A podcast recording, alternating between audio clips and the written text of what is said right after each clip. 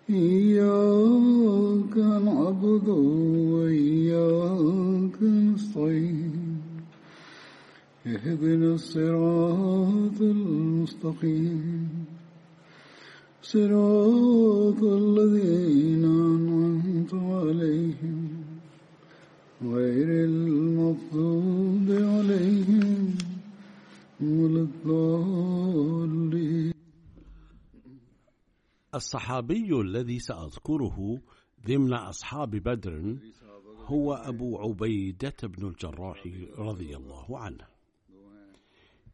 اسمه عامر ووالده عبد الله بن الجراح وكان أبو عبيدة مشهورا بكنيته بنسبته إلى جده الجراح ووالدته أميمة بنت غنم وكان قريشيا من بني حارث ابن فهر.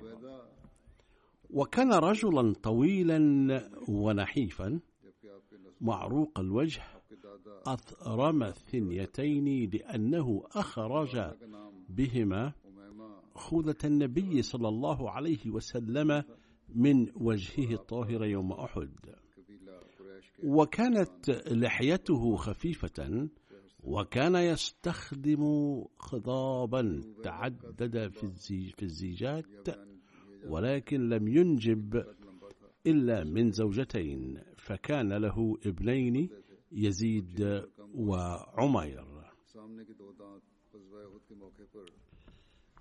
كان أبو عبيدة من الصحابة العشرة الذين بشرهم النبي صلى الله عليه وسلم بالجنة في حياته. وهم معروفون بالعشرة المبشرين أو المبشرين بالجنة. وكان من كرام قريش وذا خلق وحياء.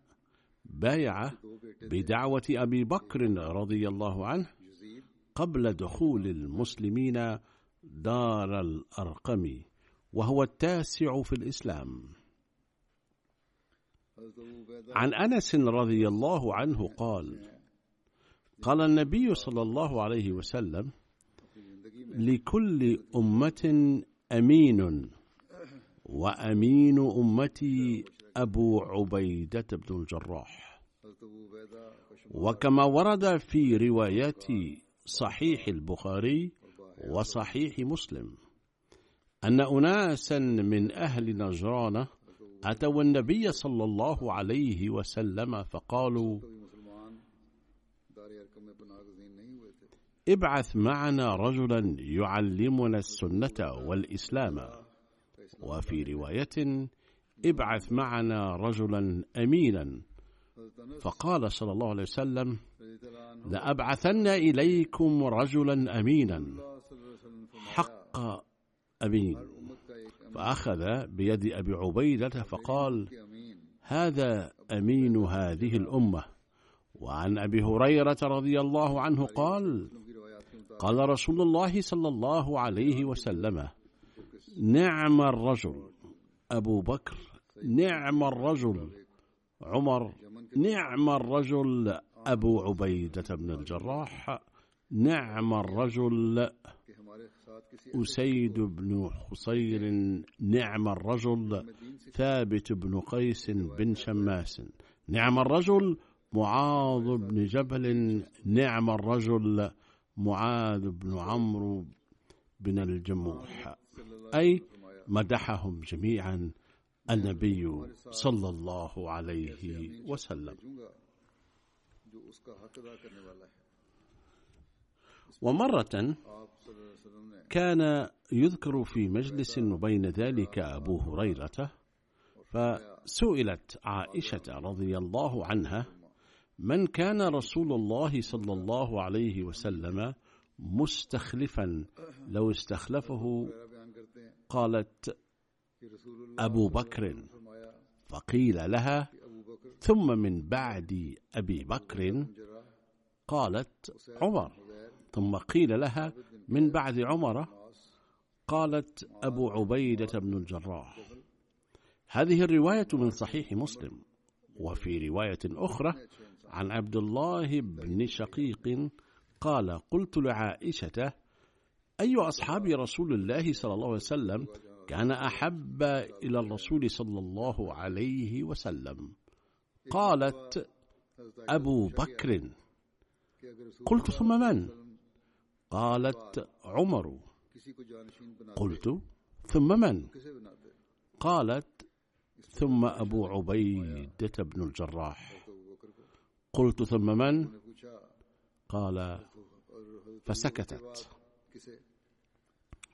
كتب ميرزا بشير أحمد رضي الله عنه في كتاب سيرة خاتم النبيين صلى الله عليه وسلم كانت مكانة أبي عبيدة عظيمة جدا في نظر عائشة رضي الله عنه. إذ كانت تقول لو كان أبو عبيدة حيا عند وفاة عمر رضي الله عنه لأصبح خليفة. وفي رواية قال عمر بن الخطاب عند وفاته إن أدركني أجلي وأبو عبيدة بن الجراح حي استخلفته.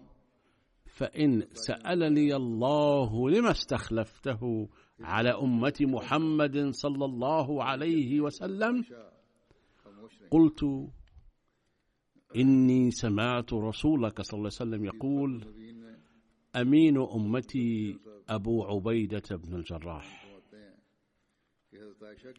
لما أسلم أبو عبيدة رضي الله عنه اضطهده أبوه كثيرا. كان أبو عبيدة من المهاجرين إلى الحبشة وحين هاجر أبو عبيدة للمدينة أشرق وجه النبي صلى الله عليه وسلم لرؤيته وعانقه عمر رضي الله عنه ونزل أبو عبيدة في بيت كلثوم بن الهدم. ليس أم كلثوم بل كلثوم.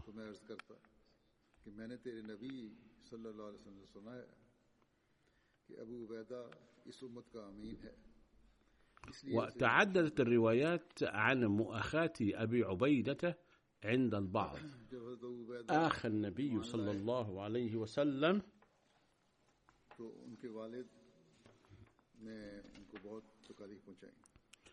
بينه وبين سالم مولى أبي حذيفة وقال البعض الآخر بل آخى بينه وبين محمد بن مسلمة وبعضهم يقول بينه وبين سعد بن معاذ. شارك أبو عبيدة في بدر وأحد وسائر الغزوات مع رسول الله صلى الله عليه وسلم وشهد بدرا وهو ابن إحدى وأربعين سنة. وكان قد خرج مع المسلمين في بدر بينما كان والده في جيش الكفار. فتقابل الابن والوالد. أراد الوالد قتل الابن ولكن أبا عبيدة كان يفر إلى هنا وهناك حتى لا يواجه أباه. ولكن والده لم يكف عن ملاحقته وسعى كل السعي لقتله. وكان أبو عبيدة أيضا يستطيع قتله ولكنه ظل يتحاشى ويتجنب قتل الوالد.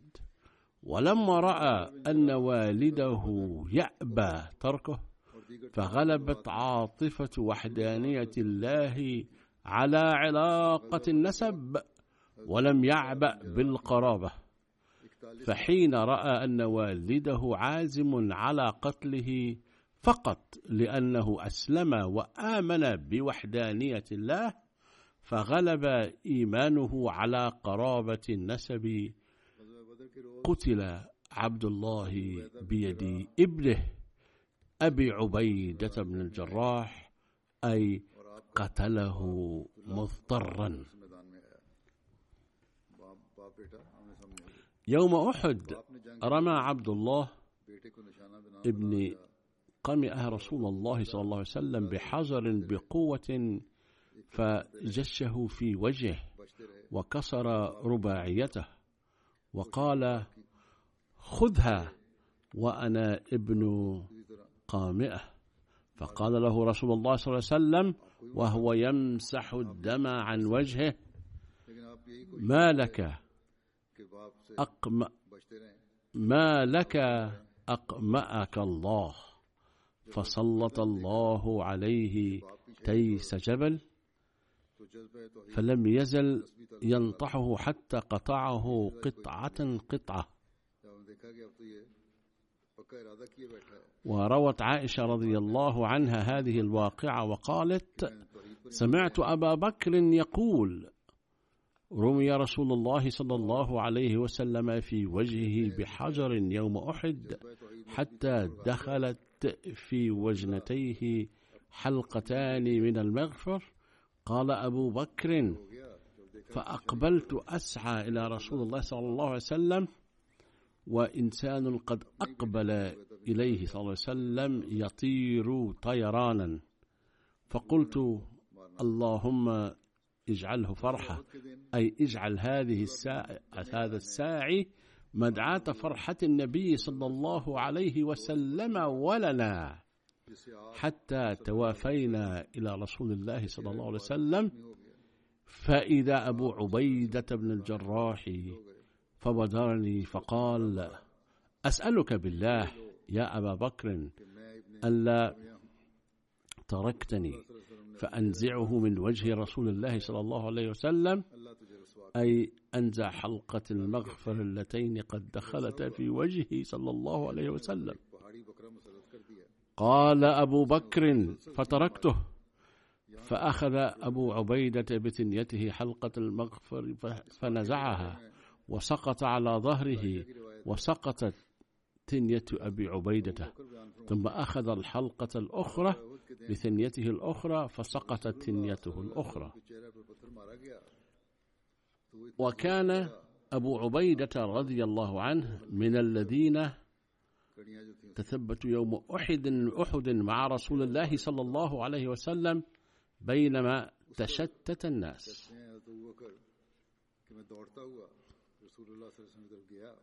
عندما كتب عقد صلح الحديبية في ذي القعدة من العام السادس الهجري وجعلت منه نسختان ووقع عليهما كبار القوم من الطرفين كشهود. وكان الذين وقعوا عليه وقعوا عليه من طرف المسلمين أبو بكر وعمر وعثمان وعبد الرحمن بن عوف وسعد بن أبي وقاص وأبو عبيدة بن الجراح رضي الله عنهم أجمعين. بعث رسول الله صلى الله عليه وسلم أبا عبيدة بن الجراح في سرايا كثيرة.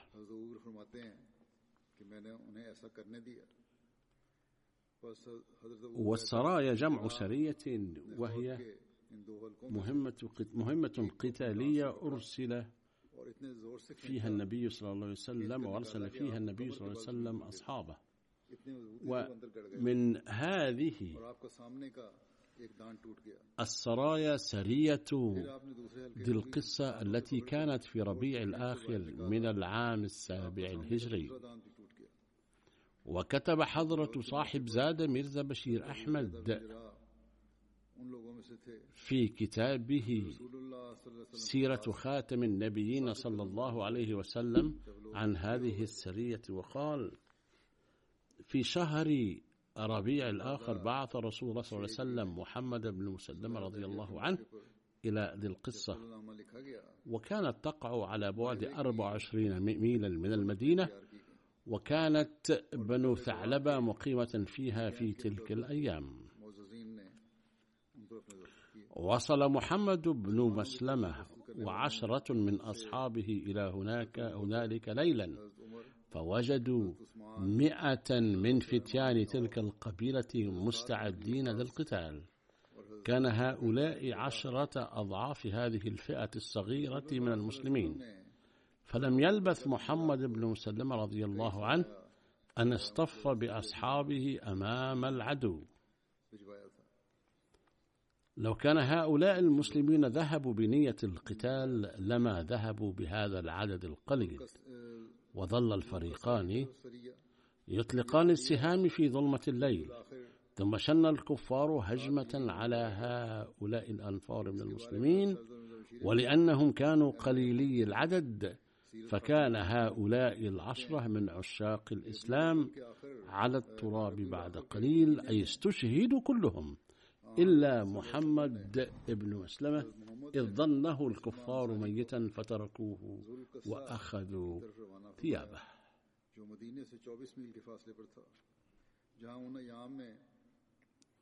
وربما مات محمد بن مسلمة رضي الله عنه وهو ملقا هناك لولا أن أحدا من المسلمين مر منه ذلك من حسن حظه. وعرف محمد وعرف محمد بن مسلمة فحمله إلى المدينة أي تعرف عليه من ملامحه. ولما بلغ ذلك رسول الله صلى الله عليه وسلم بعث بعث أبا عبيدة بن الجراح وكان من قريش ومن كبار الصحابة إلى ذي القصة لينتقم منهم. وفي هذه الأثناء بلغ النبي صلى الله عليه وسلم أن بني ثعلبة ينوون الهجوم على ضواحي المدينة فبعث أربعين من أصحابه النشيطين تحت إمرة أبي عبيدة رضي الله عنهم وأمرهم بالمسير ليلا ليداهموا القوم في الصباح الباكر. فخرج أبو عبيدة رضي الله عنه كما أمر النبي صلى الله عليه وسلم وداهم القوم عند صلاة الفجر. فسقط في أيدي الأعداء بسبب الهجوم المباغت ولاذوا بالفرار واختفوا في الجبال القريبة بعد صمود بسيط. فأخذ أبو عبيدة بن الجراح الغنائم ورجع إلى المدينة. وهذا الهجوم قد شن من أجل الانتقام من الظالمين ومعاقبتهم. وكانت هذه السرية الثانية. وهناك سرية أخرى اسمها ذات السلاسل. وقد سميت بذلك لأن الأعداء ربط بعضهم ببعض بالسلاسل لكي يحاربوا معا في صفوف ولا يستطيع أحدهم الهروب. ويقال إن سبب هذه التسمية هو أنه كانت هنالك عين باسم السلسل.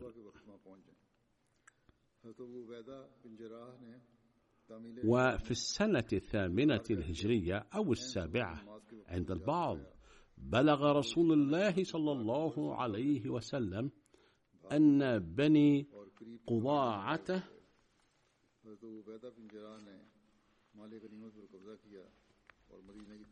أن بني قضاعة يخططون للهجوم على المدينة. فبعث صلى الله عليه وسلم لمعاقبتهم عمرو بن العاص مع كتيبة من المهاجرين والأنصار قوامها ثلاثمائة محارب أو رجل. وكان معهم ثلاثون فرسا. وكانت مساكن بني قضاعة على مسافة عشرة أيام من المدينة. لما وصل عمرو بن العاص رضي الله عنه إلى ديار بني فضاعة أرسل إلى رسول الله صلى الله عليه وسلم أن العدو كثير العدد فليبعث إليه بالمدد. فلم يلبث النبي صلى الله عليه وسلم أن بعث مئتين من المهاجرين والأنصار تحت إمرة أبي عبيدة بن الجراح رضي الله عنه وأمره أن ينضم إلى عمرو ولا يختلف معه أي يجب أن يتخذ أي قرار بالاتفاق معا. لما التقت هذه الكتيبة مع باقي الجيش قيل من سيكون أمير الجيش؟ ومع أن أبا عبيدة كان أحق بالإمارة لمكانته العظيمة إلا أن عمرو بن العاص أصر على أن يكون هو أمير الجيش كله فقبل أبو عبيدة إمارته ببشاشة. لأن النبي صلى الله عليه وسلم كان قد أمره بعدم الاختلاف وحارب أبو عبيدة إمارته ببشاشة. وحارب أبو عبيدة تحت إمرة عمرو بن العاص الأعداء بكل بسالة حتى تحقق لهم النصر عليهم. ولما رجع الجيش إلى المدينة بعد الانتصار وسمع النبي صلى الله عليه وسلم قصة طاعة أبو عبيدة لعمرو بن العاص قال رحم الله أبا عبيدة حيث ضرب مثالا رائعا على الطاعة. ثم هناك سرية اسمها سرية سيف البحر وكما قلت إن السرايا هي المهمات الحربية التي أرسلها النبي صلى الله عليه وسلم ولم يشارك فيها بنفسه. وسرية سيف البحر توجهت نحو الساحل في السنة الثامنة الهجرية حيث كانت تقوم أو تقيم قبيلة من بني جهينة.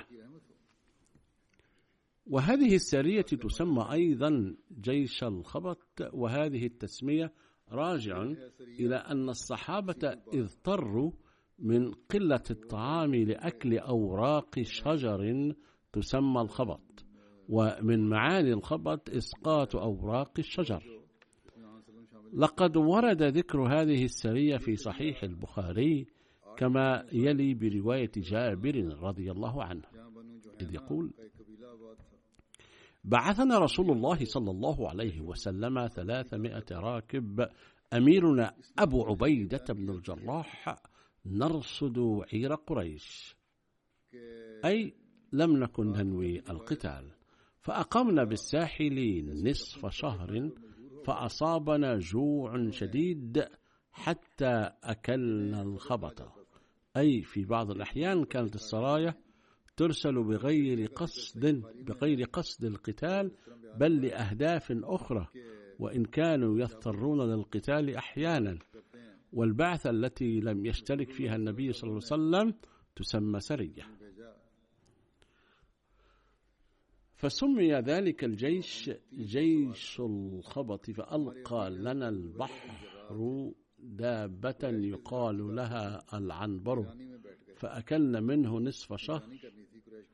ودهنا من أي سئمنا من ودكه حتى ثابت إلينا أجسامنا فأخذ أبو عبيدة ضلعا من أضلاعه أي هذا الحيوان فنصبه فعمد إلى أطول رجل معه قال سفيان مرة ضلعة من أضلاعه فنصبه وأخذ رجل بعير آه، فمر تحته قال جابر وكان رجلا من القوم نحر ثلاثة جزائر ثم نحر ثلاث جزائر ثم ثم نحر ثلاث جزائر. ثم إن أبا عبيدة نهاه وكان عمرو يقول أخبرنا أبو صالح أن قيس بن سعد قال لأبيه كنت في الجيش فجاعوا قال انحر قال نحرت قال ثم جاعوا قال انحر قال نحرت. قال ثم جاعوا. قال انحر قال نحرت. ثم جاعوا. قال انحر قال نهيت.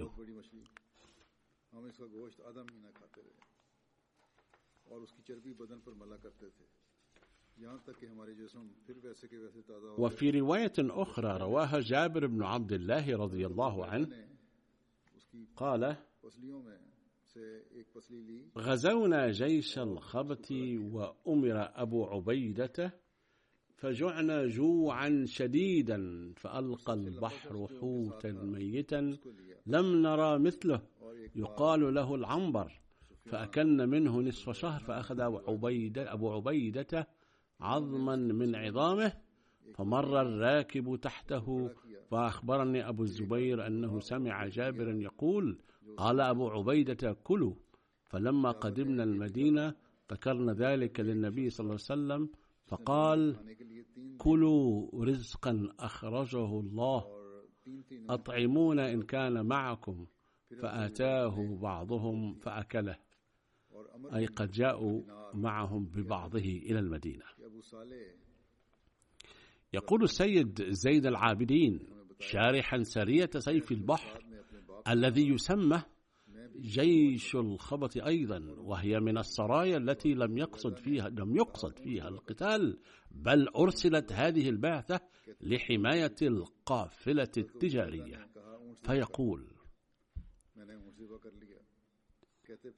كانت هذه البعثة بحسب قول ابن سعد تتضمن ثلاثمائة رجل من الأنصار والمهاجرين وأمر عليها أبو عبيدة بن الجراح وهي معروفة باسم غزوة سيف البحر. كانت القوافل تسافر على طريق قريب من البحر الأحمر وقد بني على شاطئ البحر الأحمر مرصد لحماية القوافل التي تمر منه هناك. لذلك سمت هذه المهمة بغزوة سيف البحر. وكان الهدف من إرسال الجيش إلى هنالك ليبنى مرصد بهدف الحماية من معاني السيف الشاطئ أيضا.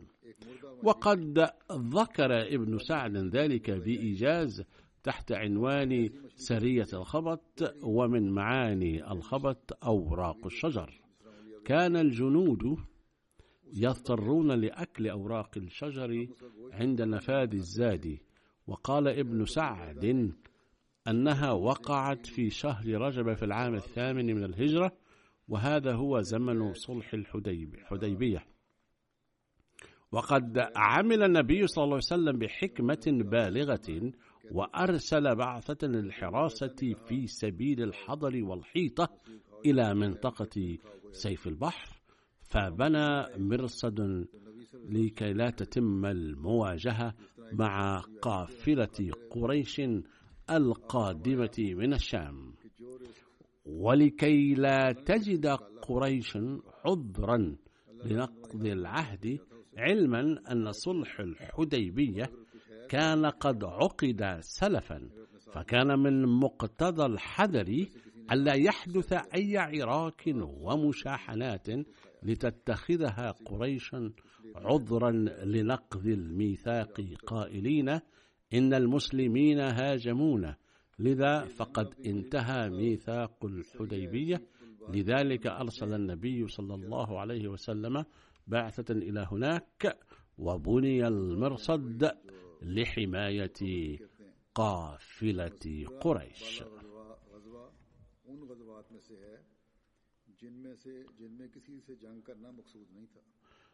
ثم يقول المكان المذكور يبعد عن المدينة بمسافة خمسة أيام بحسب قول ابن سعد.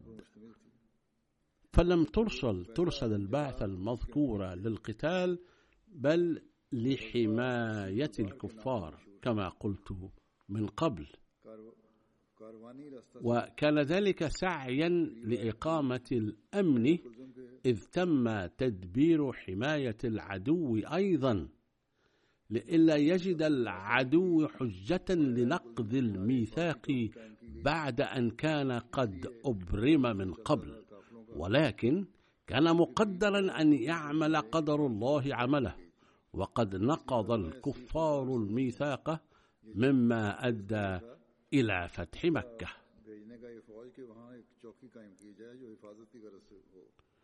قال أبو هريرة فذكر فتح حوكة فقال أقبل رسول الله صلى الله عليه وسلم فدخل مكة. قال فبعث الزبير على إحدى المجنبين وبعث خالدا على المجنبة الأخرى أو الفئة الأخرى وبعث أبا عبيدة على الحصري. وفي رواية أن رسول الله صلى الله عليه وسلم بعث أبو عبيدة بن الجراح إلى البحرين يأتي بجزيتها وكان رسول الله صلى الله عليه وسلم هو صالح أهل البحرين وأمر عليهم العلاء بن الحضرمي فقدم أبو عبيدة بمال من البحرين فسمعت الأنصار.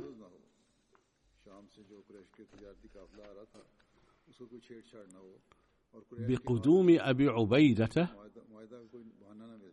فوافوا صلاة الفجر مع النبي صلى الله عليه وسلم فلما انصرف تعرض له فتبسم رسول الله صلى الله عليه وسلم حين رآهم ثم قال أظنكم سمعتم أن أبا عبيدة قدم بشيء؟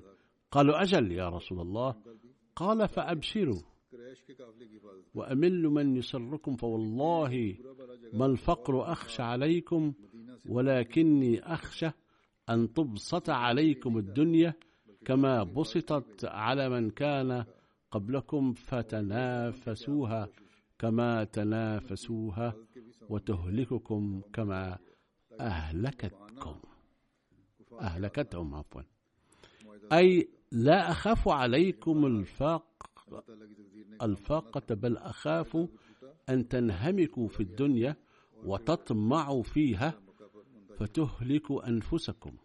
فينبغي على الجميع أن يضعوا هذا التنبيه نصب أعينهم ولكن لعدم مراعاة هذا التنبيه نرى اليوم أكثرية أولئك المسلمين الذين تأتيهم الأموال بمن فيهم زعماؤهم أيضا سباقون في هذه الأطماع وقد تفاقم طمعهم في الدنيا إلى أقصى الحدود. يذكرون الله تعالى ولكنهم يفضلون الأموال الدنيوية وعزها. فينبغي أن نستعرض حالتنا من هذا المنطلق ونتذكر دوما أن الأموال ستأتي وفق نبوة النبي صلى الله عليه وسلم ولكن ينبغي ألا نتغافل بسببها عن ديننا وننساه. لقد حج أبو عبيدة حجة الوداع مع رسول الله صلى الله عليه وسلم في السنة العاشرة العاشرة الهجرة فلما توفي رسول الله صلى الله عليه وسلم اختلفوا في, في الشق واللحد للنبي عليه الصلاة والسلام. فبعث العباس إلى أبي عبيدة وإلى أبي طلحة وتقرر أن أيهما جاء قبل الآخر فليعمل عمله. وكان أبو عبيدة يضرح كخفر أهل مكة وكان أبو طلحة يحفر لأهل المدينة وكان يلحد. فوجد صاحب أبي طلحة أبا طلحة ولم يجد صاحب أبو عبيدة أبا عبيدة. فجاء أبو طلحة فالحد لرسول الله صلى الله عليه وسلم. أما الاختلاف الحاصل بين الأنصار والمهاجرين حول الخلافة بعد وفاة رسول الله صلى الله عليه وسلم فقد ورد ذكره في صحيح البخاري. وذكرت ذلك من قبل أيضا في ذكر أحد الصحابة الكرام. وأرى الأنسب أن يذكر مرة أخرى في ذكر أبي عبيدة أيضا. لكن فوقيت اجتمعت الأنصار بعد وفاة رسول الله صلى الله عليه وسلم إلى سعد بن عبادة فقالوا منا أمير ومنكم أمير أي من المهاجرين. فذهب إليهم أبو بكر وعمر بن الخطاب وأبو عبيدة بن الجراح. فذهب عمر يتكلم فأسكته أبو بكر. وكان عمر يقول والله ما أردت بذلك إلا أني قد هيأت كلاما قد أعجبني. خشيت أن لا يبلغه أبو بكر. ثم تكلم أبو بكر فتكلم أبلغ الناس فقال في كلامه في كلام نحن أي المهاجرون الأمراء وأنتم أي الأنصار الوزراء. فقال خباب بن المنظر لا والله لا نفعل منا أمير ومنكم أمير. فقال أبو بكر لا ولكن الأمراء وأنتم الوزراء هم أي قريش أوسط العرب دارا وأعربهم أحسابا فبايعوا عمر أو أبا عبيدة بن الجراح أي قدم أبو بكر اسمين ليستخلف أحدهما. فقال عمر لأبي بكر بل نبايعك أنت فأنت سيدنا وخيرنا وأحبنا رسول الله صلى الله عليه وسلم. فأخذ عمر بيده فبايعه وبايعه الناس. هذا من صحيح البخاري. رسول اللہ صلی اللہ علیہ وسلم وفات کے فوراً بعد خلافت کے لیے انصار و مہاجرین کے درمیان جو اختلاف ہوا اس کے بارے میں صحیح بخاری میں بیان ہے۔ یہ پہلے بھی بیان ہو چکا ہوں۔ يواصل حضرة أمير المؤمنين ويقول یہاں حضرت عبیدہ کے ذکر کے زمن میں بھی على أي حال هذه كانت مكانة أبي عبيدة في نظر أبي بكر بحيث رشح اسمه للخلافة. وقد مر أن عمر رضي الله عنه قال لو كان أبو عبيدة حيا لاستخلفته لأنه وفق أمر النبي صلى الله عليه وسلم كان أمين أمته أمته صلى الله عليه وسلم. ولما اختلفوا في أمر الخلافة خطب فيهم أبو عبيدة وقال يا معشر الأنصار أنتم أول من نصر وآزر فلا تكونوا أول من بدل وغير. ولما تولى أبو بكر رضي الله عنه الخلافة عهد إلى أبي عبيدة إدارة أمور بيت المال وأرسله حضرت أبو بكر في السنة الثالثة عشر الهجرة إلى الشام أميرا لجيوش المسلمين. ولما استخلف عمر عزل خالد بن الوليد وعين أبا عبيدة أميرا على جيوش المسلمين. أما فتح الشام فقد ورد أنه في السنة الثالثة عشر الهجرة تقدمت جيوش المسلمين إلى الروم من أطراف شتى وكان قائد أحد الجيوش يزيد بن سفيان وكان يزيد أحد أبناء أبي سفيان وتوفي في تلك الفترة. فهاجمه ایک ہی بیعت کر لو من ناحية الأردن وقائد الجيش الثاني كان شرحبيل بن حسنة وقد تقدم من ناحية البلقاء. وقائد الجيش الثالث كان عمرو بن العاص الذي دخل الشام من ناحية فلسطين. أما قائد الجيش الرابع فكان أبو عبيدة بن الجراح الذي تقدم من ناحية حمص.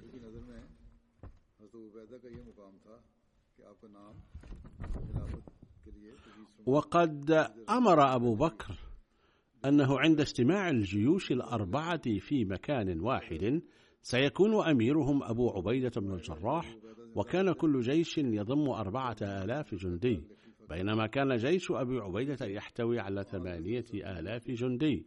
فلما أمشكت أو أوشكت الجيوش على المغادرة قال أبو بكر لقائد الجيوش إذا سرتم فلا تضيقوا على أنفسكم ولا, ولا على أصحابكم في مسيركم ولا تغضبوا على قومكم ولا على أصحابكم وشاورهم في الأمر واستعملوا العدل وباعدوا عنكم الظلم والجور فإنه لا أفلح قوم ظلموا. وإذا لقيتم الذين كفروا زحفا فلا تولوهم الأدبار لأن الله تعالى يقول ومن يوليهم يومئذ دبره إلا متحرفا للقتال أو متحيزا إلى فئة فقد باء بغضب من الله ومأواه جهنم وبئس المصير. وهذا ما ورد في القرآن الكريم في سورة الأنفال الآية السابعة عشرة.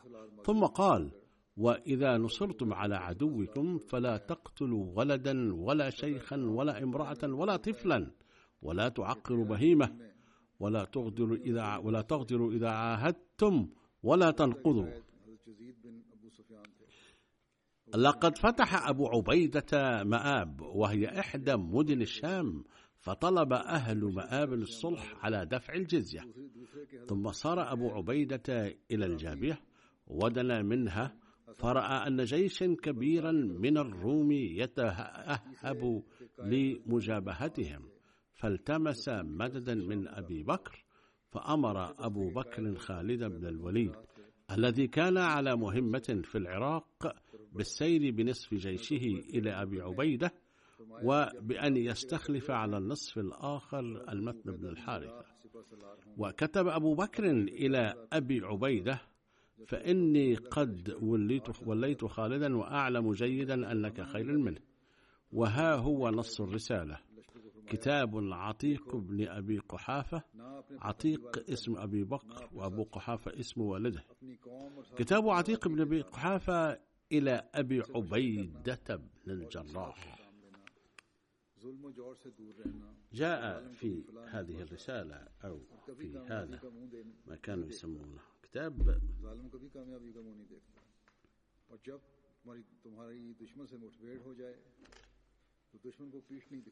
جاء فيه سلام الله عليك فإني قد وليت خالد بن الوليد القيادة في بلاد الشام۔ فلا تخالفه واسمع له وأطع۔ فإني قد وليته عليك وأنا أعلم أنك خير منه ولكن ظننت أن له فتنة في الحرب ليست لك. أراد الله بنا وبك سبل الرشاد. هذا ما كتبه أبو بكر. أما خالد بن الوليد فكان في الحيرة إحدى مدن العراق. فكتب إلى أبي عبيدة بن الجراح سلام الله عليك. لقد أمرني أبو بكر بالمسير إلى الشام والتولي لأمر جنودها. ووالله ما طلبت ذلك ولا أردته وأنت رحمك الله على حالك التي كنت بها. لا يعصى أمرك ولا يخالف رأيك ولا يقطع أمر دونك. فأنت سيد من سادات المسلمين. لا ينكر فضلك ولا يستغنى عن رأيك. لاحظوا هذه هي شيمة المؤمنين بحيث أبدى الطرفان طاعتهما بكل تواضع. حصلت معركة أجنادين وهي اسم قرية في ضواحي فلسطين في جماد الأولى عام في العام الثالث عشر الهجري وكان عدد أفراد جيش العدو مئة ألف وكان يقوده أخو هرقل ثيودور وكان عدد المسلمين خمس وثلاثين ألف شخص ومع ذلك هزموا جيشا قوامه مئة ألف جندي وفتحوا أجنادين.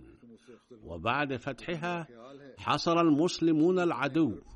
وتفصيل ذلك أن المسلمين حاصروا عاصمة الشام دمشق وهي من أقدم المدن العامرة في محرم من عام الرابع عشر الهجري واستمر الحصار لستة أشهر وتحصن الخصوم لأنهم كانوا في بلادهم.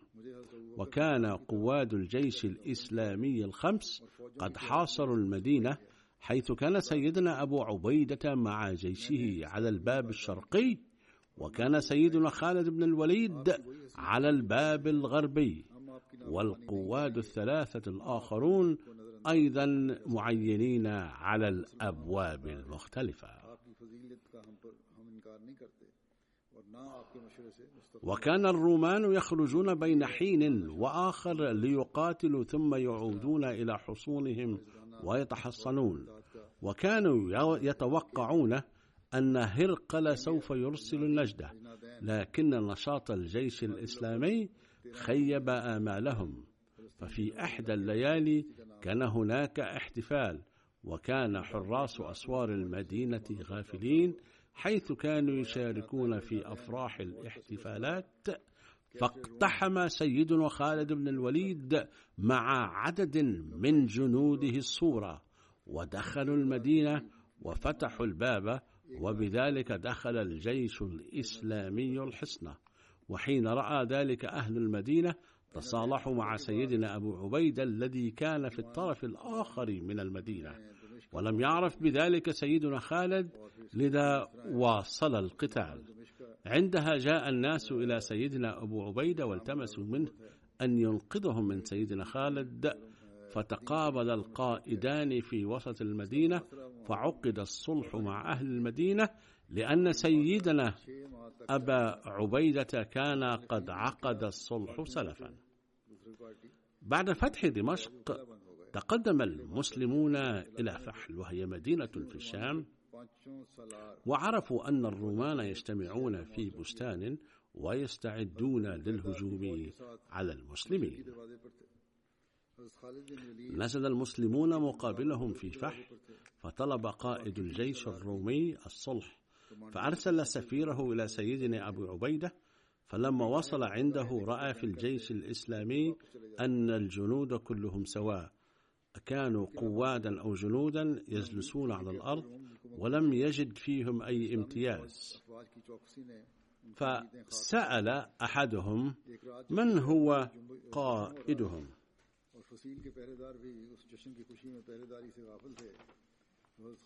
فأشار الناس إلى رجل بسيط جالس على الأرض.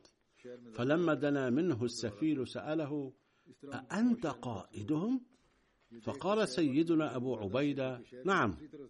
فعرض عليه السفير أن ينسحب من هناك مع جيشه وهم سيف يقدمون لكل جندي درهمين من ذهب. أما القائد فيجد ألف دينار. وأما الخليفة فينال ألفي دينار.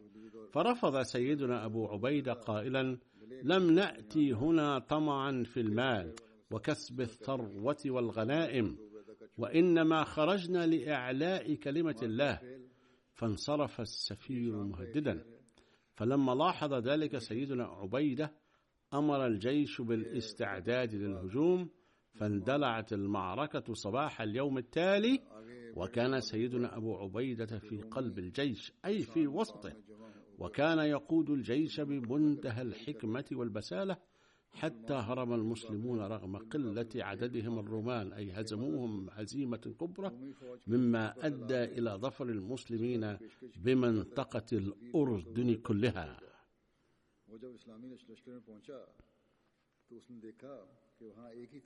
بعد فتح فحل توجه سيدنا أبو عبيدة إلى حمص. إلى حمص وهي مدينة مشهورة في الشام وكانت لها أهمية جغرافية جغرافيا واستراتيجيا.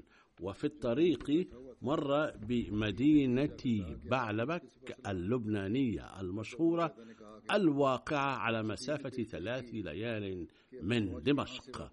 وكانت في الماضي مركزا كبيرا لعبادة الصنم بعل وسكانها تصالحوا مع سيدنا أبو عبيدة بدفع الجزية فلم تحدث أي معركة معهم حيث عرضوا الجزية وقبلها سيدنا أبو عبيدة وسمح لهم أن يبقوا على دينهم.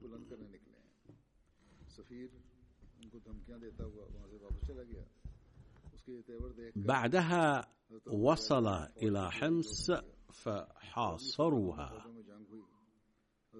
وكان معه سيدنا خالد بن الوليد أيضا وكان سكان المدينة يتوقعون النجدة من قيصر. لذا استعدوا للمواجهة لكنهم حين لم يجدوا أي نجدة استسلموا وعرضوا الصلح فقبل عرضهم. ومع الصلح قدم لهم الضمان بحماية نفوسهم وأموالهم. وصدر الإعلان بأن معابدهم وبيوتهم محفوظة. والذين بقوا على دينهم فرضت عليهم الجزية والخراج بمعنى أنهم يمكن أن يبقوا على دينهم لكنه لا بد من دفع الجزية والخراج والضريبة.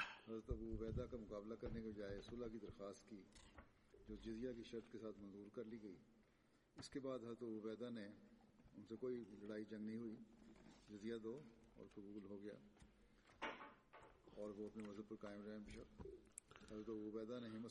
ثم أتى الجيش الإسلامي إلى اللاذقية وهي مدينة ساحلية للشام. وتعدي من ضواحي حمص. فحاصرها وكانت محكمة الحراسة وكانت عند أهل المدينة ذخائر كثيرة للغذاء لذا لم يبالوا بالحصار. فخطر ببال سيدنا أبو عبيدة فكرة جديدة لفتحها حيث أمر بحفر حفر كبير كبيرة حفر كبيرة وسطرها بالأعشاب وصباحا ترك المسلمون الحصار كأنهم عائدون عنها إلى حمص ورحلوا حتى أظهروا أنهم عائدون بعد حفر الحفر وتغطيتها بأعشاب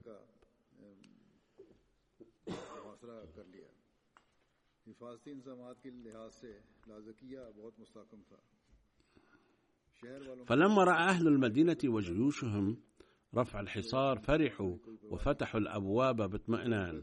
وفي الطرف الآخر عاد سيدنا أبو عبيدة مع الجيش ليلا واختفوا في تلك الحفر.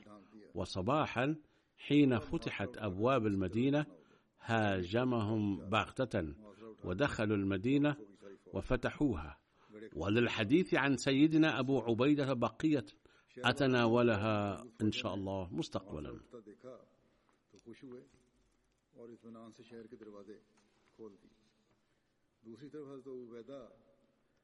أدعو الله في هذه الأيام لأفراد الجماعة في باكستان أن يحفظهم الله من شر المشايخ ورجال الحكومة فهناك موجة قوية للمعارضة من جديد.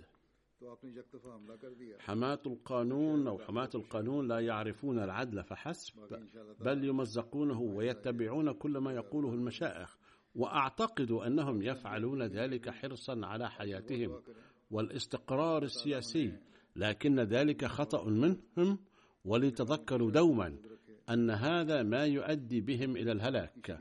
فقد ظللنا نحن الأحمديين نواجه هذه المظالم في الماضي أيضا. والآن أيضا سنمر بها إن شاء الله وبنصر منه. أما هؤلاء إذا لم يكفوا عن تصرفاتهم الغاشمة تلك فهلاكهم مؤكد.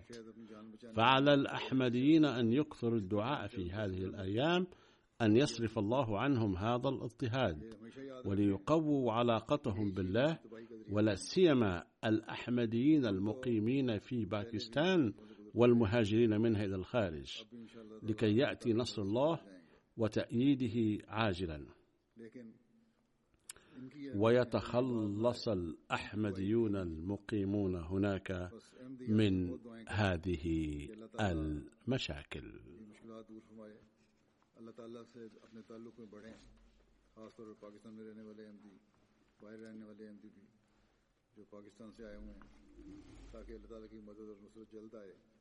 اور ان مشکلات سے وہاں کے رہنے والے احمدی چھٹکارا پا سکیں۔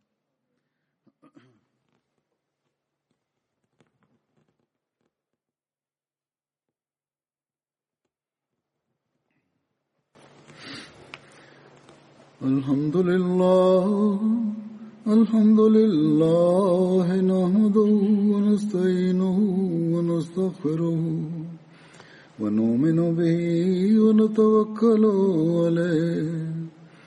ونعوذ بالله من شرور أنفسنا ومن سيئات أعمالنا. من يهده الله فلا مضل له ومن يضلل فلا هادي له. ونشهد أن لا إله إلا الله. ونشهد أن محمدا عبده ورسوله. عباد الله رحمكم الله. إن الله يأمر بالعدل واللسان وإيتاء ذي القربى. وينهى عن الفحشاء والمنكر والبغي يعظكم لعلكم تذكرون. اذكروا الله يذكركم وادعوه يستجب لكم ولذكر الله أكبر.